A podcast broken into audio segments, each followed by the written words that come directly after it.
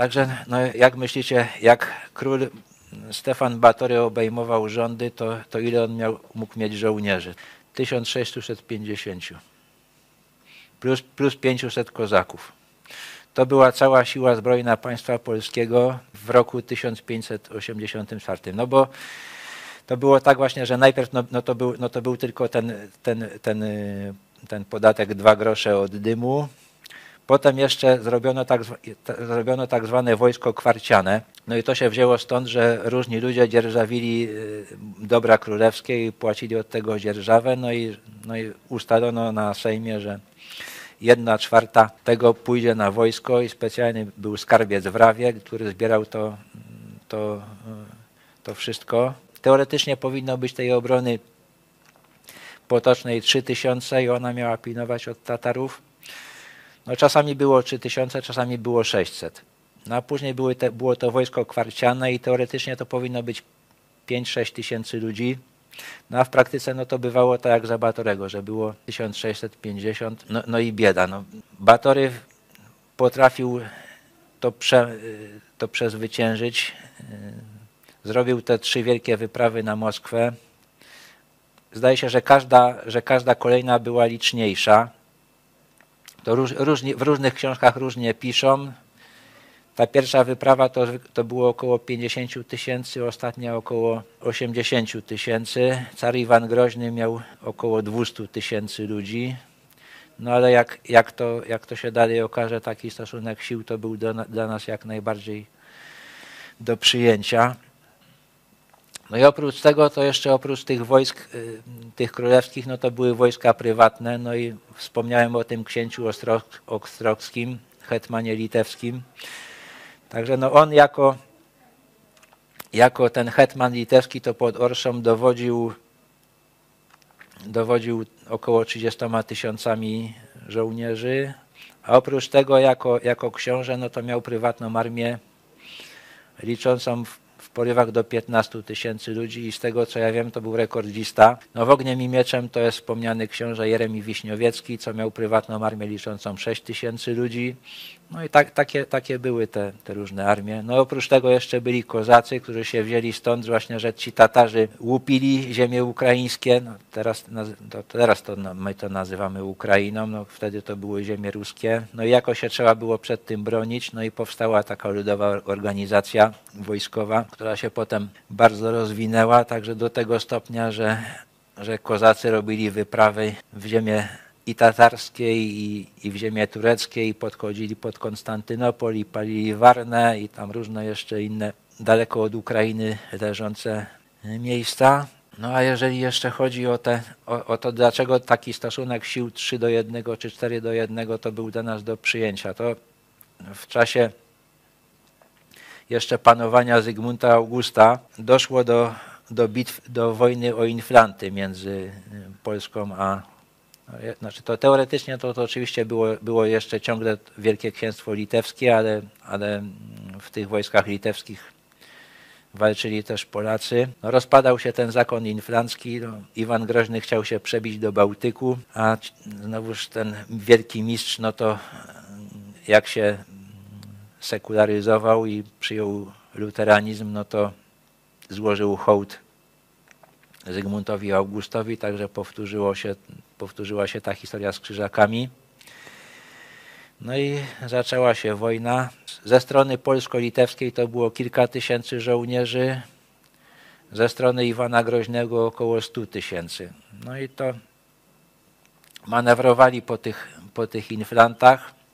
No i bywało, że stosunek sił był do przyjęcia i na przykład w 1600-1562 roku pod Newlem no to było tak, że zetknął się oddział polski, który liczył tak, no, takich wojujących to było to było 1500, w sumie, w sumie to 4000 ludzi, czyli to 1500 wojujących, reszta ciury obozowe.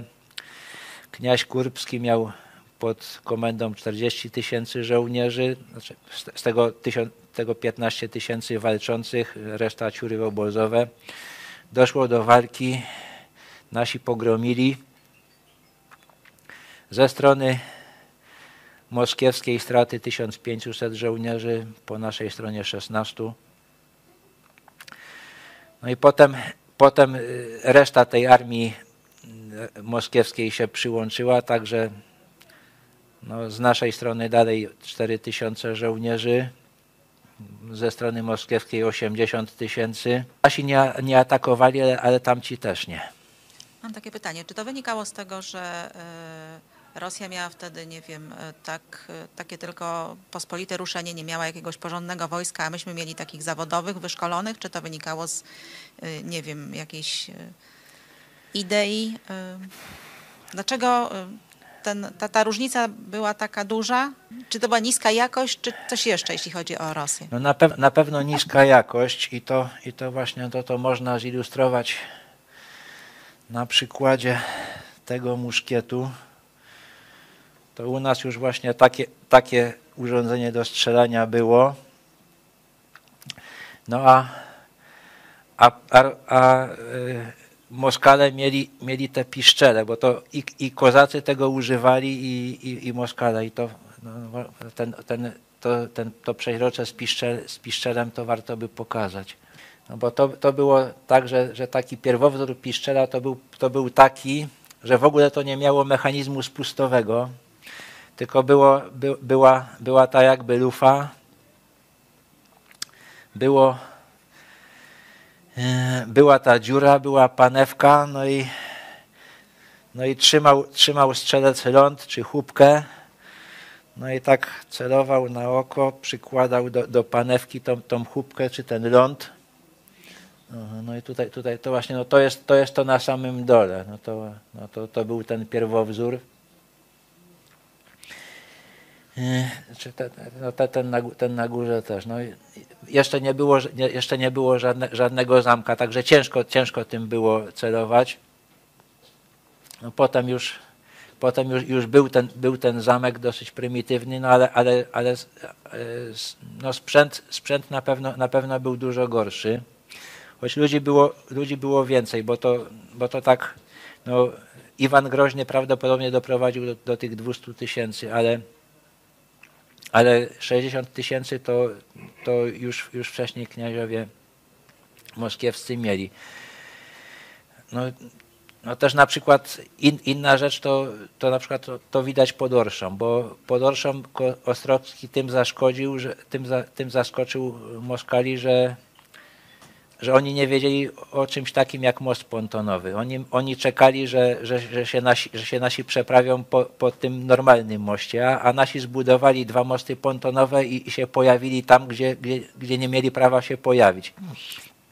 Także na, na, pewno, na pewno cywilizacyjnie to, to, to oni stali niżej.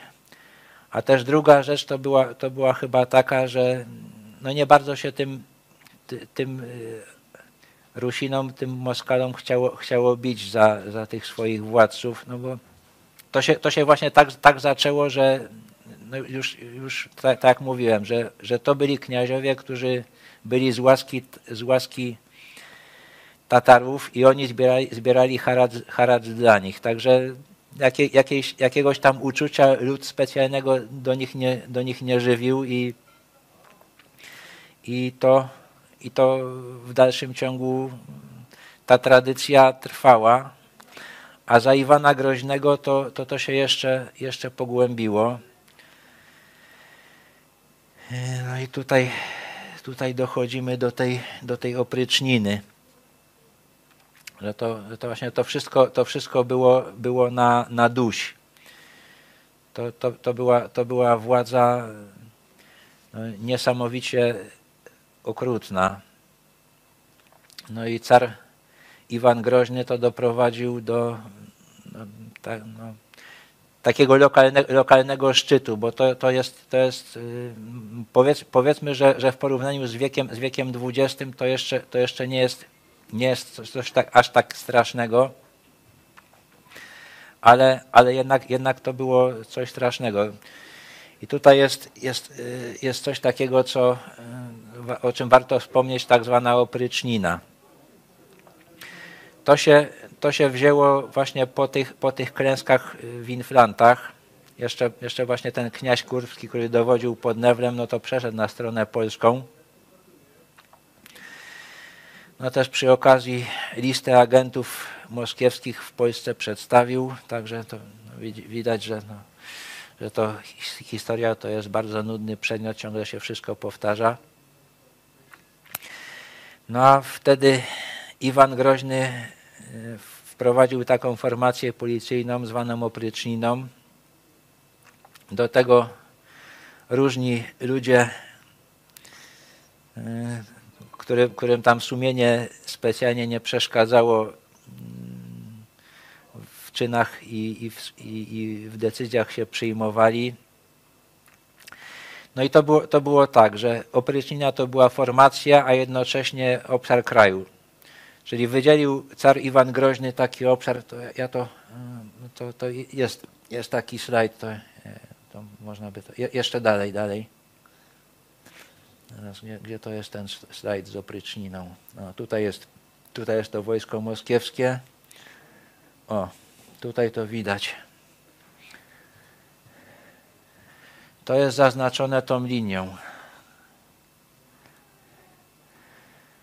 Wewnątrz, wewnątrz tego obszaru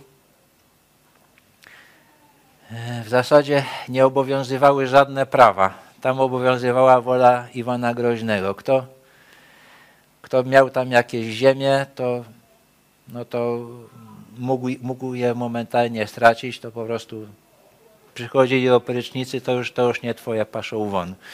Tutaj, tutaj jeszcze obowiązywały prawa, tutaj, tutaj operycznina działała, działała po uważaniu. Jest coś, co pokazuje jakby no, okrucieństwo tej formacji. To jest los Wielkiego Nowogrodu. On już był, był y, przyłączony do państwa moskiewskiego, ale jednak były no coś, coś car Iwan Groźny tego, tego miasta nie lubił, właśnie ze względu chyba na te wolnościowe, republikańskie tradycje. No i wysłał tam swoich opryczników. No i są dwie wersje tego, co, co, się, co tam nastąpiło. Wersja historyków zagranicznych i wersja historyków rosyjskich. W wersji historyków zagranicznych oprycznina tam weszła i przez kilka tygodni łapała i mordowała ludzi. Najczęściej ich wiązali i wrzucali do rzeki. No i, no i tak, tak historycy zagraniczni oceniają, że w Wielkim Nowogrodzie w ciągu tych chyba sześciu tygodni zginęło od 18 do 60 tysięcy ludzi. Wersja historyków rosyjskich jest taka, że owszem, oprycznina tam weszła i topiła ludzi w Wołchowie, ale utopiła jakieś tak do 1500 ludzi. Oni się w tej rzece rozkładali. W wyniku tego, tego gnicia ludzkich zwłok wybuchła epidemia, która pochłonęła jeszcze 10 tysięcy ludzi.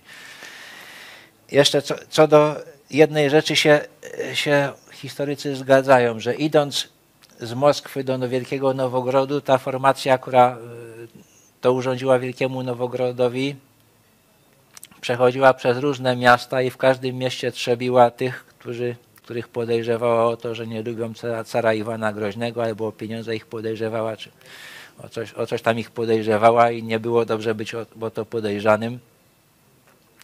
Także to jest, to, to o tej opryszninie wiadomo. Ogólna liczba ofiar to to, to, to nie, nie jest znana. To Bóg jeden wie, ilu, ilu ludzi wtedy zginęło. Ciekawa jest rzecz, że, że to się w Polsce podobało. Że było dość sporo takich ludzi, którzy uważali, że, że dobrze byłoby coś takiego w Polsce zrobić, bo się magnaci bardzo roz, roz, rozzuchwalili, królewszczyzny zabierają, no, szarogęsią się strasznie no a car Iwan Groźny sobie z nimi, z nimi radził. No to, że, że car Iwan Groźny nie tylko z magnatami sobie radził, ale z takimi mniejszymi bojarami też, no to, to tego nie brali pod uwagę.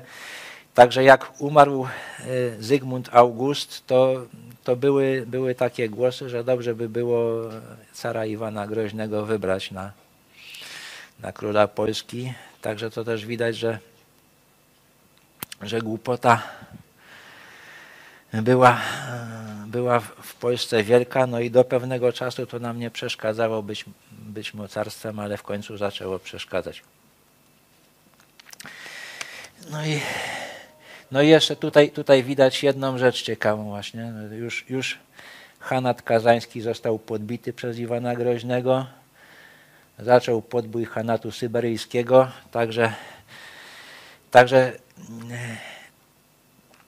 pod rządami cara Iwana Groźnego państwo moskiewskie z tych 2 milionów 800 tysięcy kilometrów kwadratowych rozrosło się do 5 milionów 500 tysięcy kilometrów kwadratowych. Także wynik całkiem niezły, chociaż do, do, dzisiejszych, do dzisiejszych rozmiarów to jeszcze, to jeszcze daleko, no ale, to też tu, tutaj już widać, że, że już nie tylko o ziemię ruskie chodziło, bo bo już, bo już nie, o nieruskim, nieruskimi też, też nie, nie pogardzili. To już jak ta pasja kolekcjonerska się rozwinęła, no to, no to już ziemie wszelkie zbierali.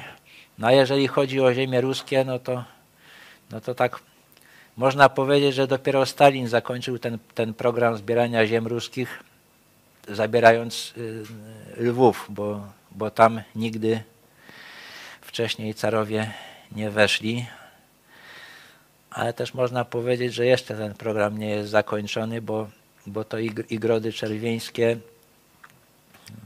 no to, no, oni, oni to też, też, też na pewno uważają za ziemię ruskie i Podlasie, także to, to, jeszcze, to jeszcze też można zabrać.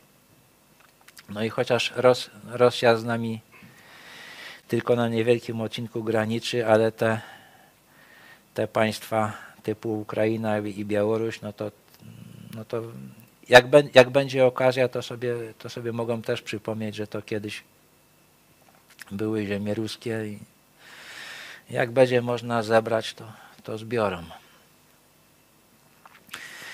Także, także tak to, takie, takie jest, jest, że tak powiem, podłoże tych, tych, y, te, tego, tego o, czym, o czym przede wszystkim chcę powiedzieć. No i teraz tak. Ta oprycznina to wywołała no, y, straszną klęskę, bo to zginęło na pewno masę ludzi, zamęt był straszny. Ten wysiłek, mobilizacyjny w wojnie o inflanty też był olbrzymi. To, no, jedna liczba, bo to na ogół to jest tak, że nasi historycy to podają, że była jakaś tam, jakaś ta armia, która walczyła o inflanty, walczyła później z, z, z wojskami Batorego. Jedna, jedna cyfra, którą udało mi się znaleźć, to jest to, to 200 tysięcy. Żeby wystawić 200 tysięcy w tym czasie, no to, no to trzeba było zedrzeć z ludzi do żywego mięsa. No i także i to jeszcze to się skończyło, to się skończyło klęską. To poproszę może następny slajd, będzie to widać. Aha, jeszcze, jeszcze następny. No, aha, no. chodzi, chodzi mi o, o Batorego pod Pskowem. To jest, no właśnie, no to, to ostatecznie właśnie te, te wojny wojny Batorego, no to kończą się sukcesem, bo, bo Iwan Groźny się wycofał z Inflant, tam jeszcze kawałek Szwedzi zabrali, także zamiast się przebić do Bałtyku, to się całkiem, to całkiem dostęp do Bałtyku stracił. No i kosztowało go to sporo. No tutaj centralną postacią na tym obrazie, bo król Batory to jest tutaj, a ten w czarnym to jest ksiądz Antonio Posewino, jezuita, który się przydawał, znaczy e, e, no to był odważny człowiek, bo posłował do Iwana Groźnego. Ten, ten poseł, który poszedł wypowiadać wojnę e, w imieniu Stefana Batorego, to najpierw go Iwan Groźny chciał zabić, ostatecznie się rozmyślił, ale 7 lat w lochu, w przesiedział. Także już po jego śmierci został wypuszczony. No, Antonio Posewino posłował, z tym, że on miał swoją, swoją własną kalkulację, bo Iwan Groźny obiecał, że jak, że jak go papież będzie chronił przed królem polskim, no to może rozważyć przejście na katolicyzm. No i, no i Antonio Posewino to, to, to sądował. Tam, no, już tam, już tam spe, specjalnie pewnie się nie zastanawiał nad tym, czy to duże, duża jest szansa, że Iwan Groźny słowa dotrzyma, czy mała, no ale no, jezuici byli, byli od tego, żeby, żeby wpływy katolickie zwiększać, no i, no i, tym, no i, no i tym, się, tym się głównie, głównie trudnili, no a no, od, od tego, żeby, żeby dbać o, o interes Polski, no to, no to był król Polski. No i tutaj, tutaj widać, że, no, że, że no, jest, jest to jest zawarcie tego, tego układu, który kończy wojnę, no to, to tak naprawdę nie wyglądało, ale, ale to jest taka, taka synteza. No i też, też wtedy, wtedy już byli, byli tacy, którzy, którzy uważali, że, że e, Stefan Batory by mógł zdobyć, zdobyć Moskwę i usunąć Iwana Groźnego. No i rozważali, czy, by, czy, warto by to było robić, czy nie warto by to było robić. No, no ogólne, ogólne, ogólny pogląd był taki, że, że nie warto tego robić. Szkoda, szkoda, szkoda wysiłku. No i potem tak, potem to, to wszystko państwu moskiewskiemu wychodziło bokiem. I, I ta oprycznina, i ten ogromny wysiłek wojenny. No a jeszcze, jeszcze y, stało się coś takiego, y, właśnie, że ten Iwan Groźny umarł. Jego syn Fiodor też szybko umarł. No, to był taki człowiek już ułomny też, go, te, też y, był kontrkandydatem y, Zygmunta III Waży do tronu polskiego. Też, też, też ktoś tak wymyślił, że, że zamiast się bić z Moskwą, to wybierzmy sobie Fiodora na króla i, i będzie dobrze. No w, koń, w, końcu się, kto, się ktoś kapnął, że, że w takiej Unii to, to główną, główną stolicą jednak będzie Moskwa, a a Polska to, to tam będzie, nie, będzie niezbyt ważna. No i potem, potem przejął rządy Borys Godunow, e, który dobrze się ożenił, bo się ożenił z córką Maluty Skuratowa, który był jednym z ważniejszych opryczników. Także już takie, takie resortowe małżeństwo było, e, resortowo człowiek był umocowany. No jeszcze był jeden, jeszcze był jeden e, e, syn Iwana Groźnego, który miał prawa do tronu, Dymitr. No i nieszczęście mu się przydarzyło, że zginął, powołano komisję śledczą, Borys Godunow powołał tę komisję, no i komisja ustaliła, że on, on rzeczywiście miał padaczk, padaczkę, no i ustalenie było takie, że w ataku padaczki wbił sobie nóż w tętnicę szyjną. I nikt tutaj winny nie jest. No a potem, potem zaczęło się dziać coś takiego, co,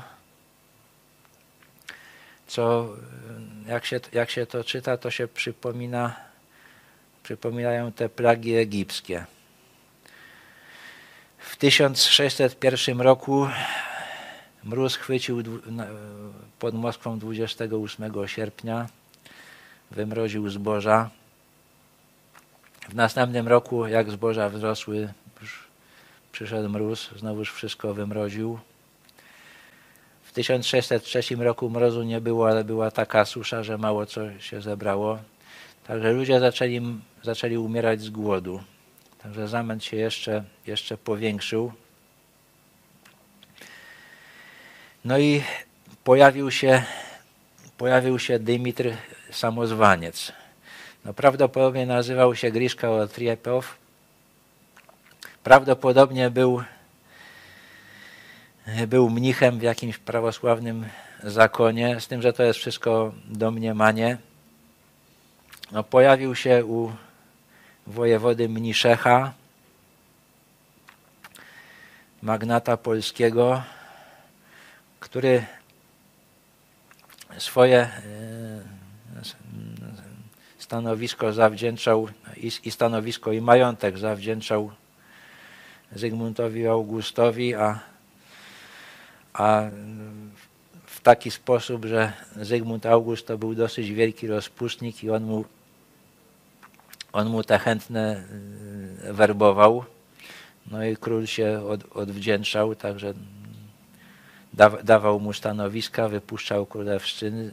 No jeszcze, jeszcze jak jak już Zygmunt August umarł, no to, no to był podejrzany ten mniszek, że, że tam różne kosztowności królowi sprywatyzował, no ale tego mu nie udowodniono.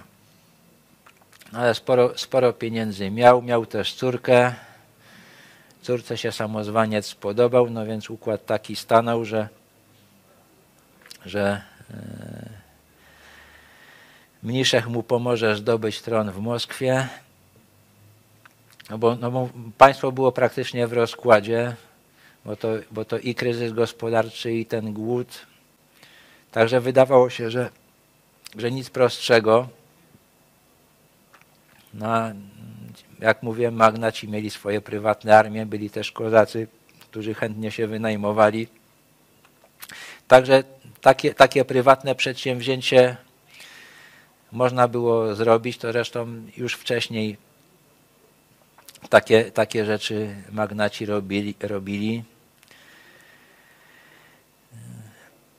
No i, no i tak, to, tak to właśnie zrobiono i tam jest, i to właśnie to, ten, to poproszę ten slajd, co się już wcześniej pokazywał, ten, ten z tą strzałką.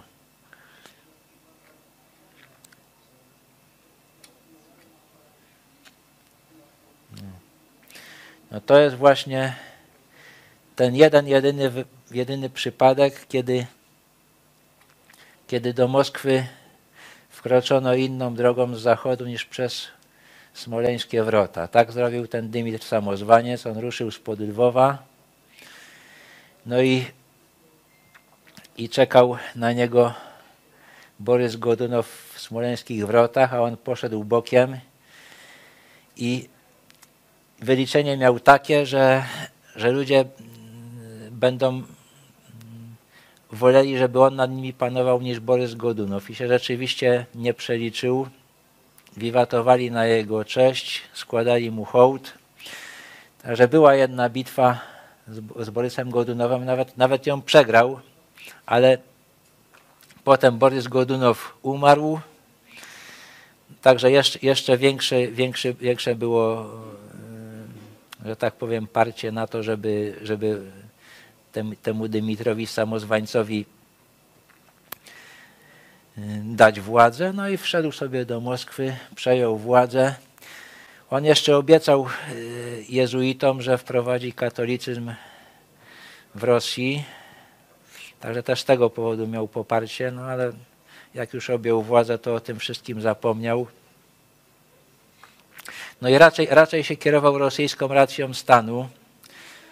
Z tym, z tym że no jednak, jednak myślę, że, że kłuło w oczy to, że on, że on e, tak bardzo e, z Polakami trzyma. No i też to, że jest niskiego rodu. I e,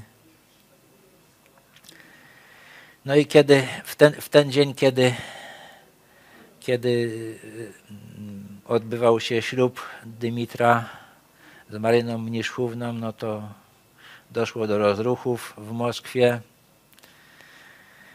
No i y, Dymitra Samozwańca zabito. Było około 2000 Polaków w Moskwie, no to około 500 zginęło. Reszta trafiła do lochów, tam sukcesywnie ich potem wypuszczano, wymieniano. No i objął władzę car Wasyl IV Szujski, no też, też z rodu Rurykowiczów, ale taka, taka boczna linia, no ale jakieś tam prawa do tronu miał. Czyli tak e, z tego, co się dowiedziałam, to pierwsze pojawienie się Polaków w Moskwie to była w ogóle prywatna inicjatywa, Tak, tylko jest że tak powiem prywatne- jeden prywatne. magnat miał taki pomysł. To znaczy nie, na początku jeden, potem się inni dołączyli, na przykład Adam Wiśniowiecki się dołączył, je- jeszcze paru się dołączyło, także wspólnymi siłami sfinansowali tę wyprawę i, i król, król y, no, nic, nic, y, nic do tego tego nie miał. nie miał. Zresz- Zresztą on miał w tym momencie inne kłopoty, bo, no bo to, to, to, jest prawda, to jest prawda, że co Sienkiewicz napisał, że Rzeczpospolita zatknęła te, ten sztandar na wałach obcej stolicy w chwili swojej wielkiej słabości. To można powiedzieć, że wisiała wojna domowa i w roku 1607 ta wojna domowa wybuchła. No państwo, w którym jest wojna domowa, silne być nie może.